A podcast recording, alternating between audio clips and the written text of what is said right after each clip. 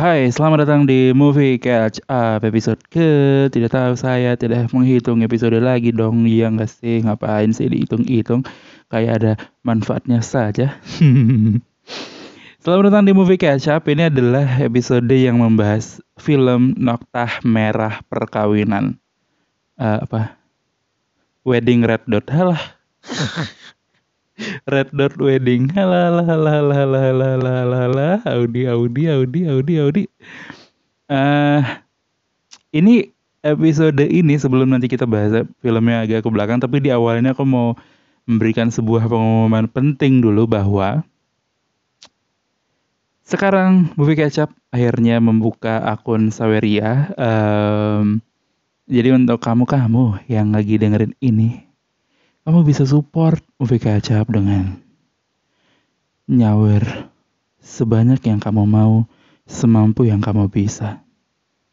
Kamu bisa support malesin ya. Hmm. Uh, jadi siapa pun yang mau support movie kacap bisa nyawer lewat link saweria saweria.co slash audi harap bisa diklik juga di instagramku di bio ada uh, link di sana uh, dipilih aja tulisan paling atas tuh nyawer. Langsung klik itu langsung otw nyawer sebanyak mungkin yang kamu mau sebanyak mungkin yang kamu bisa gitu. Uh, alasannya apa? Karena ada banyak sekali film-film bagus yang lagi tayang di bioskop. Aku tuh merinding lihat banyak film yang harus aku lewatkan. Aku kelewatan mendarat darurat karena uangnya nggak ada guys. Nggak cukup gitu. Gak bercanda.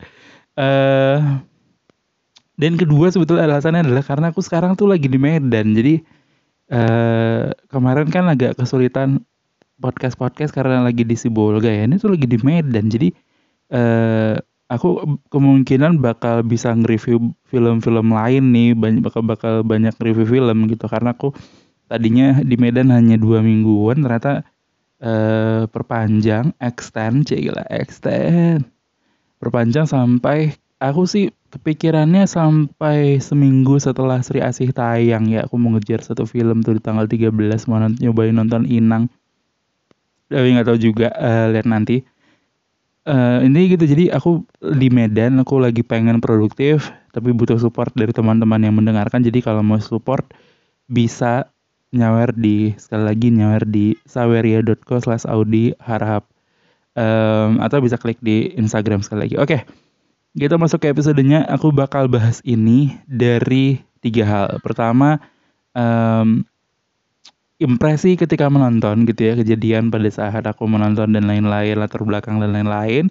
Kedua, aku bakal ngomongin soal filmnya non spoiler.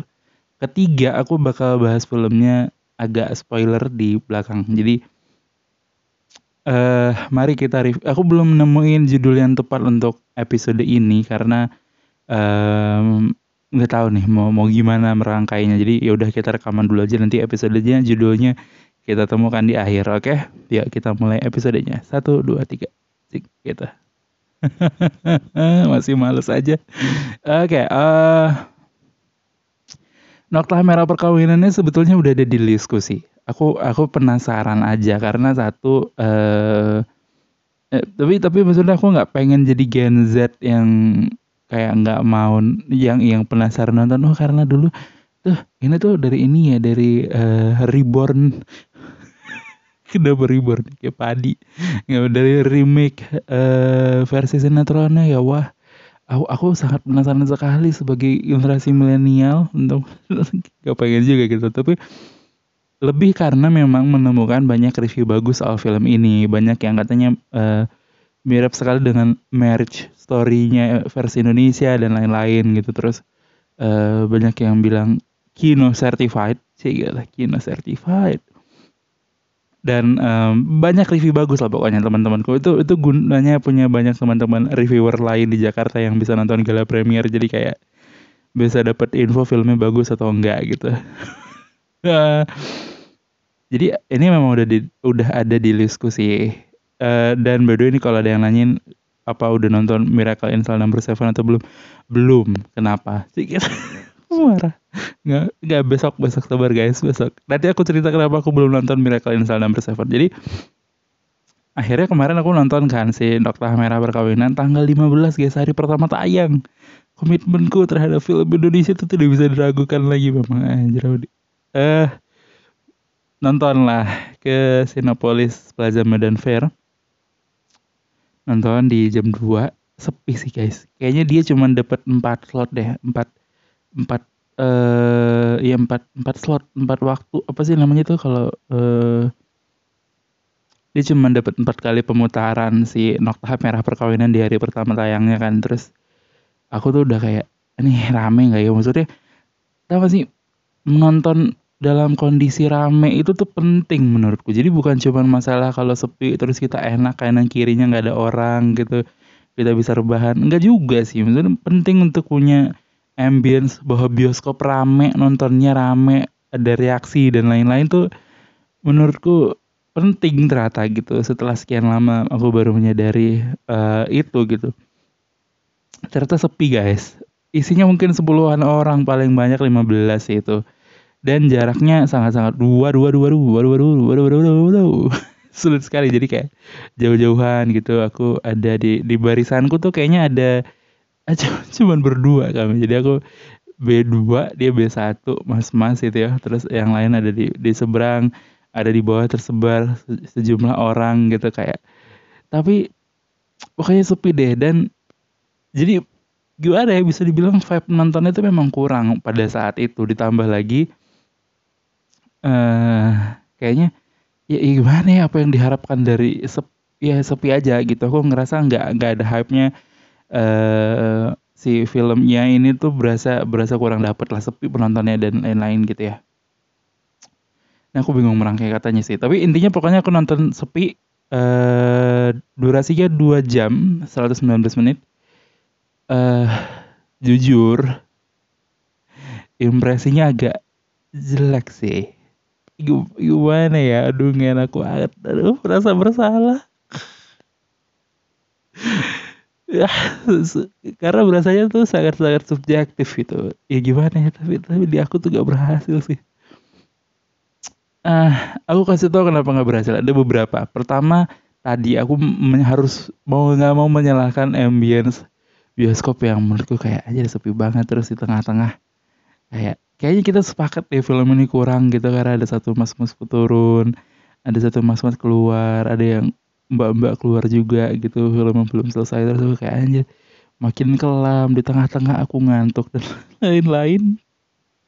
Alasan kedua sebetulnya menurutku kenapa kenapa kurang gue aku nggak terlalu enjoy gitu ya. Karena menurutku set apa kelamaan sih ya nggak tahu ya.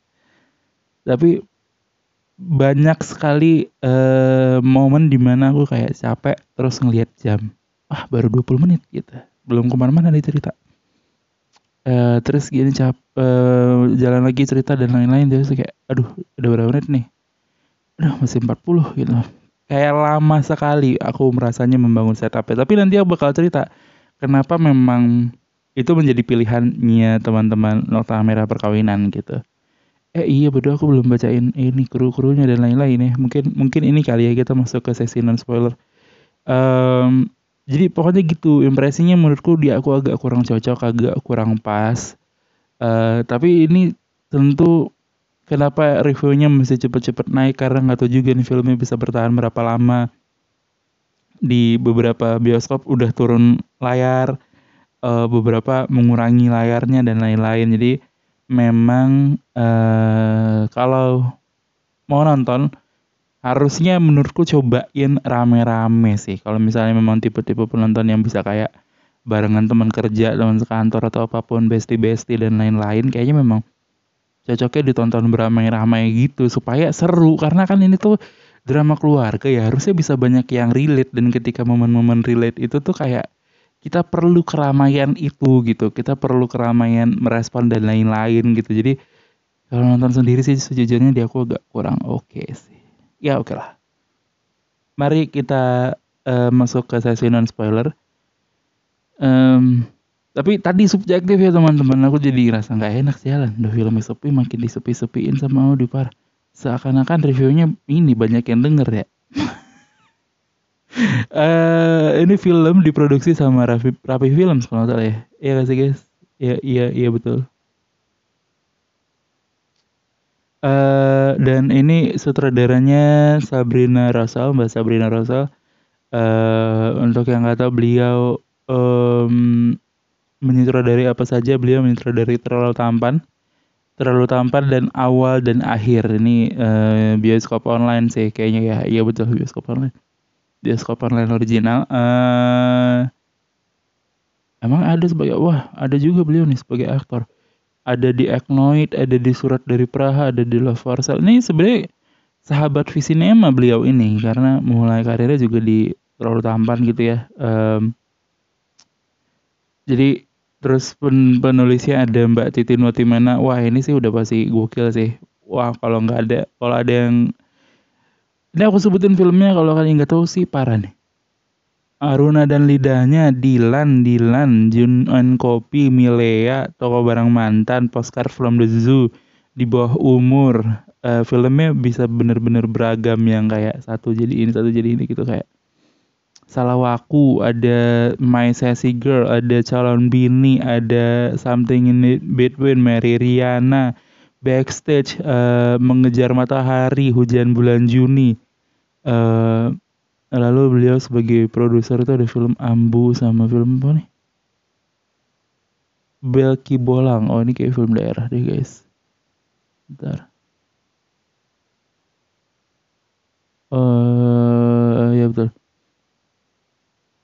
Lalu ada siapa lagi yang tergabung dalam line up uh, krunya ada produsernya ada Pak Sunil Samtani, ada Pak Gop Teh Samtani, ada Alin Jusria sebagai editor ini juga film-filmnya gokil-gokil semua sih.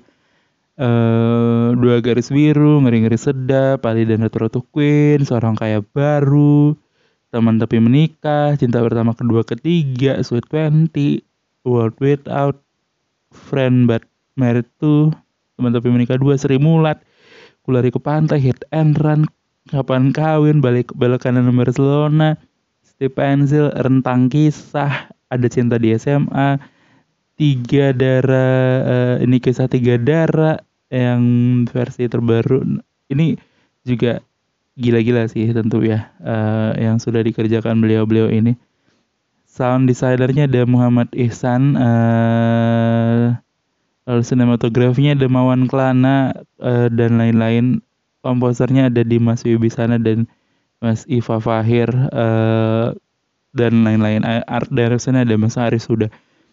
Cashnya, cashnya ada Marsha Timothy, Oka Antara, Sheila Dara, Jaden Osen, Osen, Osen, Osen, Alaira Fahira, uh, Ayu Azhari, Nazira Cenur, Lungki Kusumastuti, Ratna Riantiarno, Roy Sungkono, ada Andi Bahtiari Yusuf sebagai pelatih sepak bola yang tidak usah kita bahas. Dan sinopsis, sinopsis, sinopsis. Setelah 11 tahun pernikahan, hubungan antara Ambar dan Gilang memasuki periode kekecewaan. Terlebih lagi, intervensi dari dari keluarga, dari orang tua mereka. Um, terlebih lagi ditambah dengan intervensi dari keluarga mereka. Gilang bekerja sebagai landscape arsitek, arsitek, ar arsitek, ya itulah. While Ambar, sementara Ambar mengurus rumah dan anak-anaknya sambil mencoba membuat dirinya terus sibuk dengan menemukan kedamaian dengan mengajar workshop keramik um, dan di workshop keramiknya dia bertemu dengan Yuli seorang murid gitu ya, murid di kelasnya. Uh, Gilang, Ambar, dan Yuli, hubungan antara Gilang, Ambar, dan Yuli menjadi lebih complicated setelah Gilang bekerja untuk kebun dari uh, yang dimiliki oleh Kemal, pacar Yuli. Yuli membawa ngelas comfort tiga investasi. Ya akhirnya Yuli makin dekat dengan Gilang dan lain-lain. Um, pada puncak sakit hati dan kekecewaan, Ambar mempertanyakan apakah apakah pernikahannya layak untuk dipertahankan. Anja. ini mohon maaf karena saya bacanya terbata-bata karena ini versi bahasa Inggris letterboxnya mohon maaf uh, udah 15 menit Audi coba review Oke, okay, mari review tiga ini ya, tiga unsur utama aktor. Menurutku harus diakui aktingnya bagus-bagus sih. Um, ini ini beda subjektif ya, wah gila udah kelok banget ya mau nge-review jelek ini ya, waduh sulit deh. Um, aktornya bagus-bagus, khususnya aku aku pengen bakal bahas satu uh, bagian dari cerita ini Jaya dan Ocean yang berperan sebagai Bagas anak-anaknya Mas Gilang dan Mbak Ambar gitu ya. Uh, nanti aku pengen bakal, bakal bak, pengen bahas beliau di belakang gitu ya uh, di versi spoiler. Tapi kurang lebih sebenarnya secara keseluruhan si film ini punya cast yang oke-oke. Hampir semuanya deliver acting mereka tapi jujur satu yang menurutku agak kurang itu justru Mbak Ayu Asharinya tapi aku ngerti bahwa beliau ke sini itu justru adalah sebagai bagian dari uh, either itu penghormatan karena beliau bagian dari sinetron di masa lalunya gitu ya. Uh, atau ya memang ini untuk membawa nostalgia dan lain-lain gitu. Tapi di aku agak berasa terlalu dibuat-buat gitu. Kayak aktingnya jadi agak kebanting sama yang lain Mungkin, mungkin Audi, ya Allah nggak boleh kejam-kejam Audi, ya Allah takut banget ini. Mungkin karena uh, beliau udah lama kali ya nggak dapet project acting atau misal kayak beliau juga filmnya nah gimana ya? Ya pokoknya beliau kayaknya lebih sering bermain di sinetron gitu ya. Uh, ketika dibawa ke film menurutku kesan terlalu actingnya itu masih ada ya aku sorry banget ini mas. Kedua uh, sisanya bagus-bagus semua. Um, Mbak Marsha Marsha Timothy Oka Antara semuanya deliver. Nazira Cenur bagus-bagus itu maksud acting anak-anaknya juga oke. Okay. Sheila Dara bagus itu ya. Sheila Dara tuh selalu gitu uh, ada satu line Sheila Dara tuh kayak kalau pada nonton yang hilang dalam cinta pasti relate sama line-nya Sheila Dara ketika dia bilang dalam film ini kayak Iya, Kemal itu emang gitu. Jadi si Kemal ini digambarkan sebagai pria lumayan lumayan toksik juga gitu, lumayan sering uh, ngejahatin si Seladara juga gitu kan, si Yuli juga gitu. Terus kayak, iya Kemal tuh emang gitu, nggak apa-apa kok. Tapi dia aslinya orang baik gitu. Terus kayak anjir dia juga gitu loh sama Mas Rendra di yang hilang dalam cinta aja gitu. uh, semuanya bagus-bagus. Secara kualitas cerita plotnya menurutku bagus sebenarnya. Tapi aku menurutku ini bukan tipe aja gitu. Uh, bahwa filmnya lambat berjalan pelan um, mencoba untuk cover banyak hal mencoba untuk masukin banyak sudut pandang masukin supaya ini terasa bahwa pertengkarannya benar-benar terjadi karena hal penting gitu bukan cuma karena satu dua hal melainkan perjalanan panjang dari kekecewaan satu ke kekecewaan lainnya gitu tuh penting memang. Tapi di aku berasanya agak terlalu lambat. Um, iya itu terus uh, secara secara plot ada itu ya aku suka bagian itu bahwa mereka uh, bukan cuman mementingkan hubungan antara orang tuanya aja antara Ambar Gilang dan Yuli tapi juga memasukkan banyak perspektif soal anak yang menghadapi orang tua yang bertengkar gitu. Uh, Jaden sama khususnya Jaden ya. Jaden kan berperan sebagai Bagas ya anak yang pertama gitu. Um, anak laki-laki pertama tuh digambarkan benar-benar memahami kondisi dia mesti berdamai dengan orang tuanya yang berantem dan lain-lain itu bagus sekali sih. Um, bahwa mereka bisa mengcover itu gitu dan tadi banyak sekali yang pengen di cover misal kayak antara orang tua gitu misalnya orang tuanya Ambar baik itu orang tuanya Ambar atau orang tuanya Mas Gilang uh, perlu di cover gitu bahwa mereka sedikit banyak ikut campur dan turut membuat menambah masalah-masalah dalam keluarga ini gitu. Uh, banyak yang di cover sehingga pertengkarannya jadi berasa realistis. Tapi untuk pribadiku ngerasa kayaknya kalau mau lebih sat sat sat sat sedikit gitu ya kayaknya bisa sih dan gak ya nggak tahu sih beda ya dia dia aku ngerasanya ini tuh kayak dari 100% ya gitu dari 100% 70 persennya itu tuh setup 30 persennya eh 15 persennya itu konflik dan klimaks 15 persennya sisanya itu adalah ending gitu. Uh, itu yang aku ngerasa kayaknya persentasenya bisa dikecilkan sedikit gitu. Misal kayak nggak apa-apa setupnya besar tapi jangan sampai mengambil porsi 70% gitu. Misal kita tahan di 50 atau sampai 55 aja gitu. Nggak apa-apa setengahnya setup itu menurutku nggak apa-apa tapi ini tuh kayak udah agak berlebihan nih setupnya. Uh, lalu masuk ke konfliknya, sorry ada iklan. Masuk ke konfliknya bisa bisa lebih banyak lagi sih ketegangan-ketegangan itu nggak kayak tiba-tiba naik dar gitu.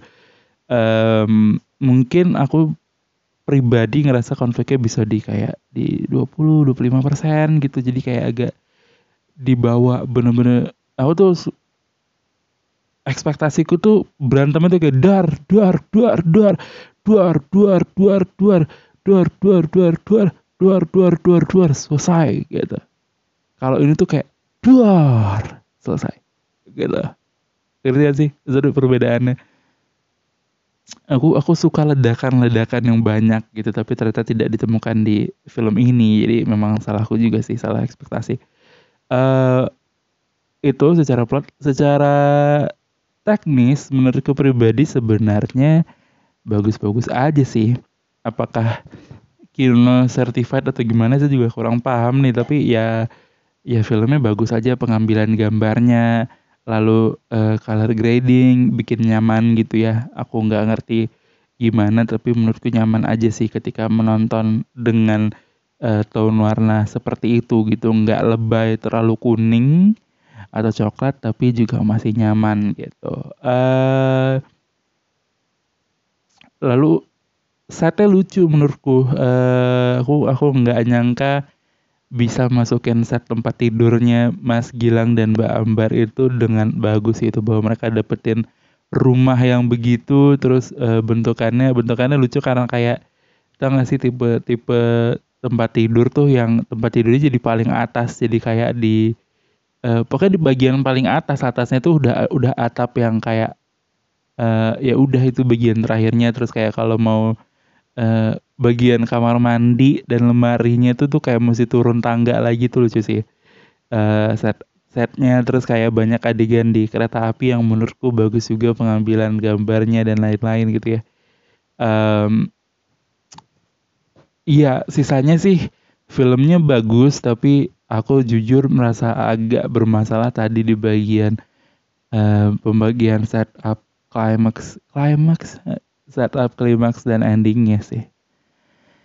Oke, okay, kita masuk ke sesi spoiler tapi sebelum itu aku mau bilang bahwa filmnya bagus kalau suka tipe film yang seperti ini gitu. Jadi kalau um, mau nonton worth to watch juga sih tapi uh, pastikan memang tipe kalian juga gitu. Karena kalau enggak agak agak kesel gitu. Kayak aduh kelamaan sarapan dan lain-lain. Dan menurutku ide bagus untuk ngajakin sekeluarga. Jangan enggak sih keluarga akur sih. Ngajakin pertemanan kali ya. Kayak kalau bisa nonton 5-10 orang sih gokil sih. Ini bakal kayak seru gitu sepanjang film tuh banyak momen yang bisa jadiin kayak anjir itu tuh gue banget lo gitu. Bisa tuh. Um, ini adalah sesi spoiler jadi kalau mau dengerin pastikan kalian antara sudah nonton atau memang tidak masalah dengan spoiler gitu ya. Oke okay?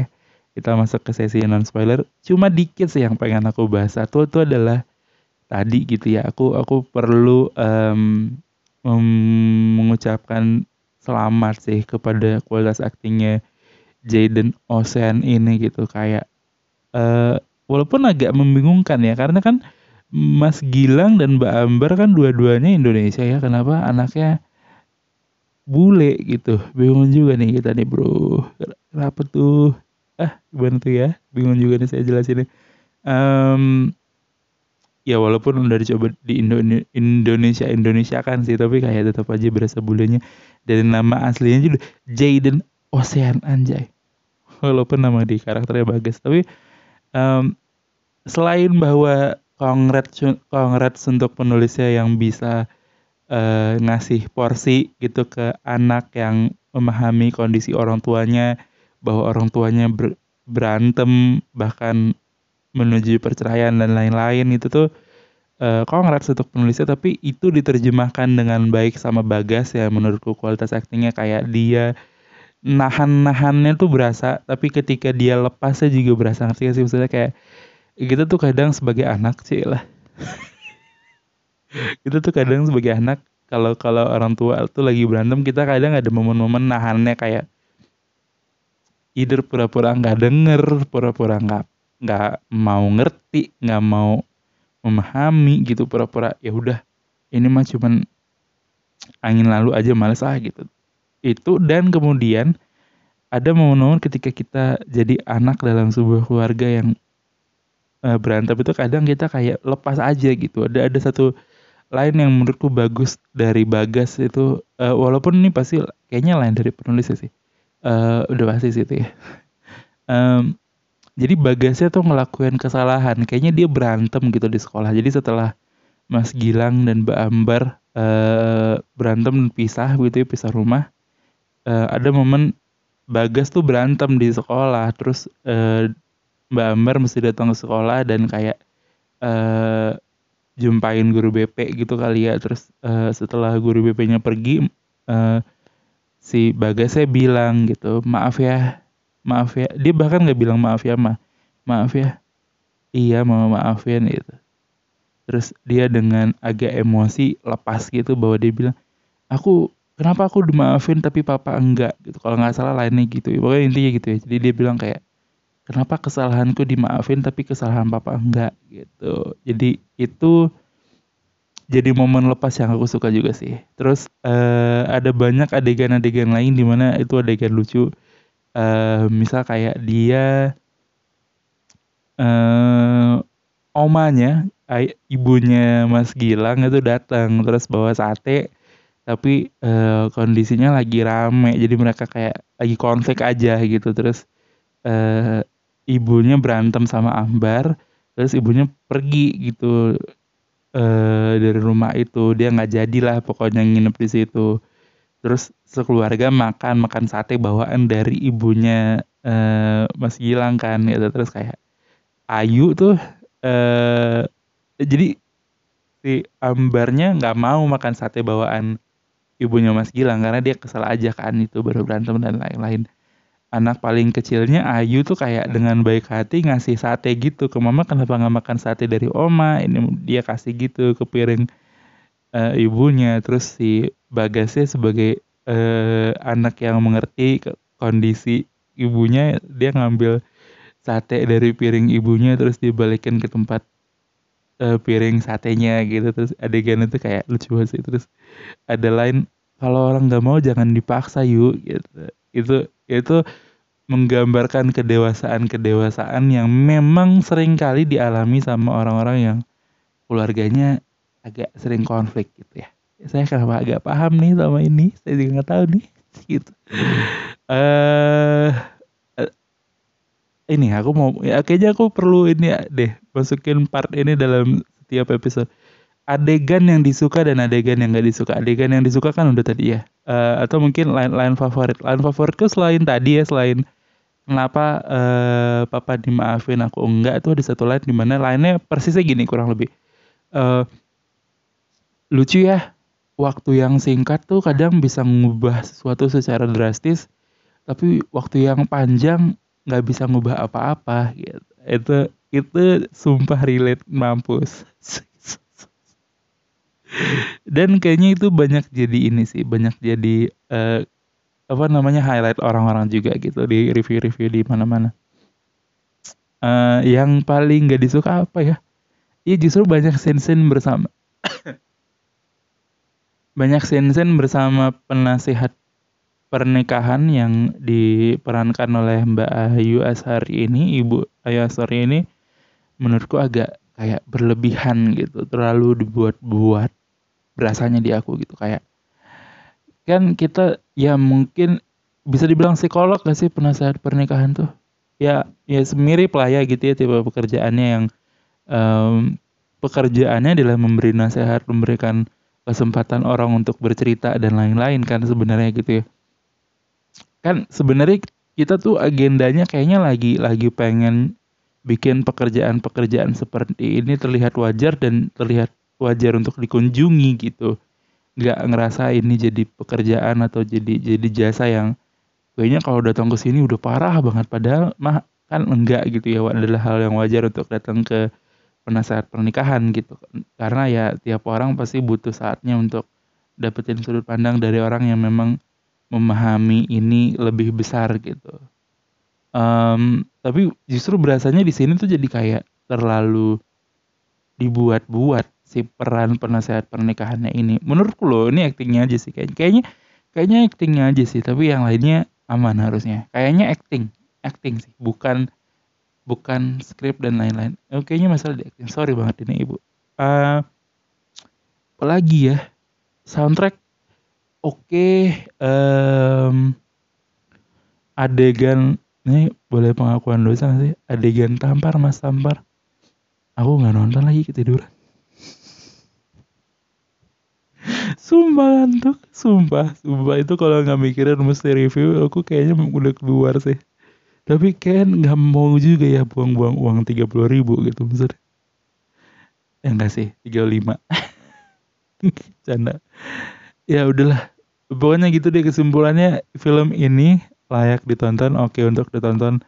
Tapi Iya tahu filmnya bisa bertahan berapa lama. Semoga semoga ada yang ramein viral dan bisa lumayan rame juga nih si Noktah Merah Perkawinan. Ah jadi nggak enak nih kalau review jelek gini sih gitu. Uh, sampai jumpa di episode berikutnya. Ada banyak episode yang udah ketabung-tabung aku bingung nih mau gimana nguploadnya woi ah sih gitu Udah sampai jumpa di episode berikutnya dari Movie Catch Up. Selamat mm, menonton Fakta Merah Perkawinan kalau masih ada di bioskop kalian terdekat. Itulah maksudnya. Yuk, bye.